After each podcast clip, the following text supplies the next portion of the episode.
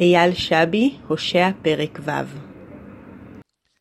ותן טל או מטר, דברים לכבוד, פרק ו' בספר הושע.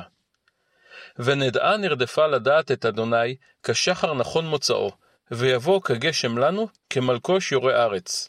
מה אעשה לך אפרים? מה אעשה לך יהודה? וחסדכם כענן בוקר, וחתל משכים מולך.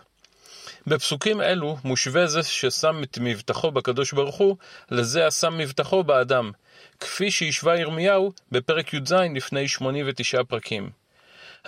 השם את מבטחו בקדוש ברוך הוא, יודע שיש על מי לסמוך, כפי שאם רואה הוא את השחר, ידע כי השמש תזרח בקרוב. יתר על כן, השפע המגיע מהקדוש ברוך הוא אינו נקודתי, אלא רציף, ממש כמו עונת הגשמים, מן היורה ועד המלקוש. לעומת זאת, לא מומלץ לשים את יהבך על הבטחותיהם ועל מעשיהם של אפרים ויהודה. ענן קטן המופיע עם בוקר, אינו מבטיח כי ירד היום גשם, ועם כל הכבוד לטל, הוא אינו יכול להרוות את האדמה. לעתים, אנו פותחים את ליבנו לזולת ומפזרים הבטחות. לעתים אנו אף עושים ומחלקים מהשפע שלנו לאחרים. אך האם אנחנו מקפידים לעמוד בהבטחות שפיזרנו? האם אנחנו מתמידים וממשיכים להיות שם עבורם, גם לאחר שתמה ההתלהבות הראשונית שלנו?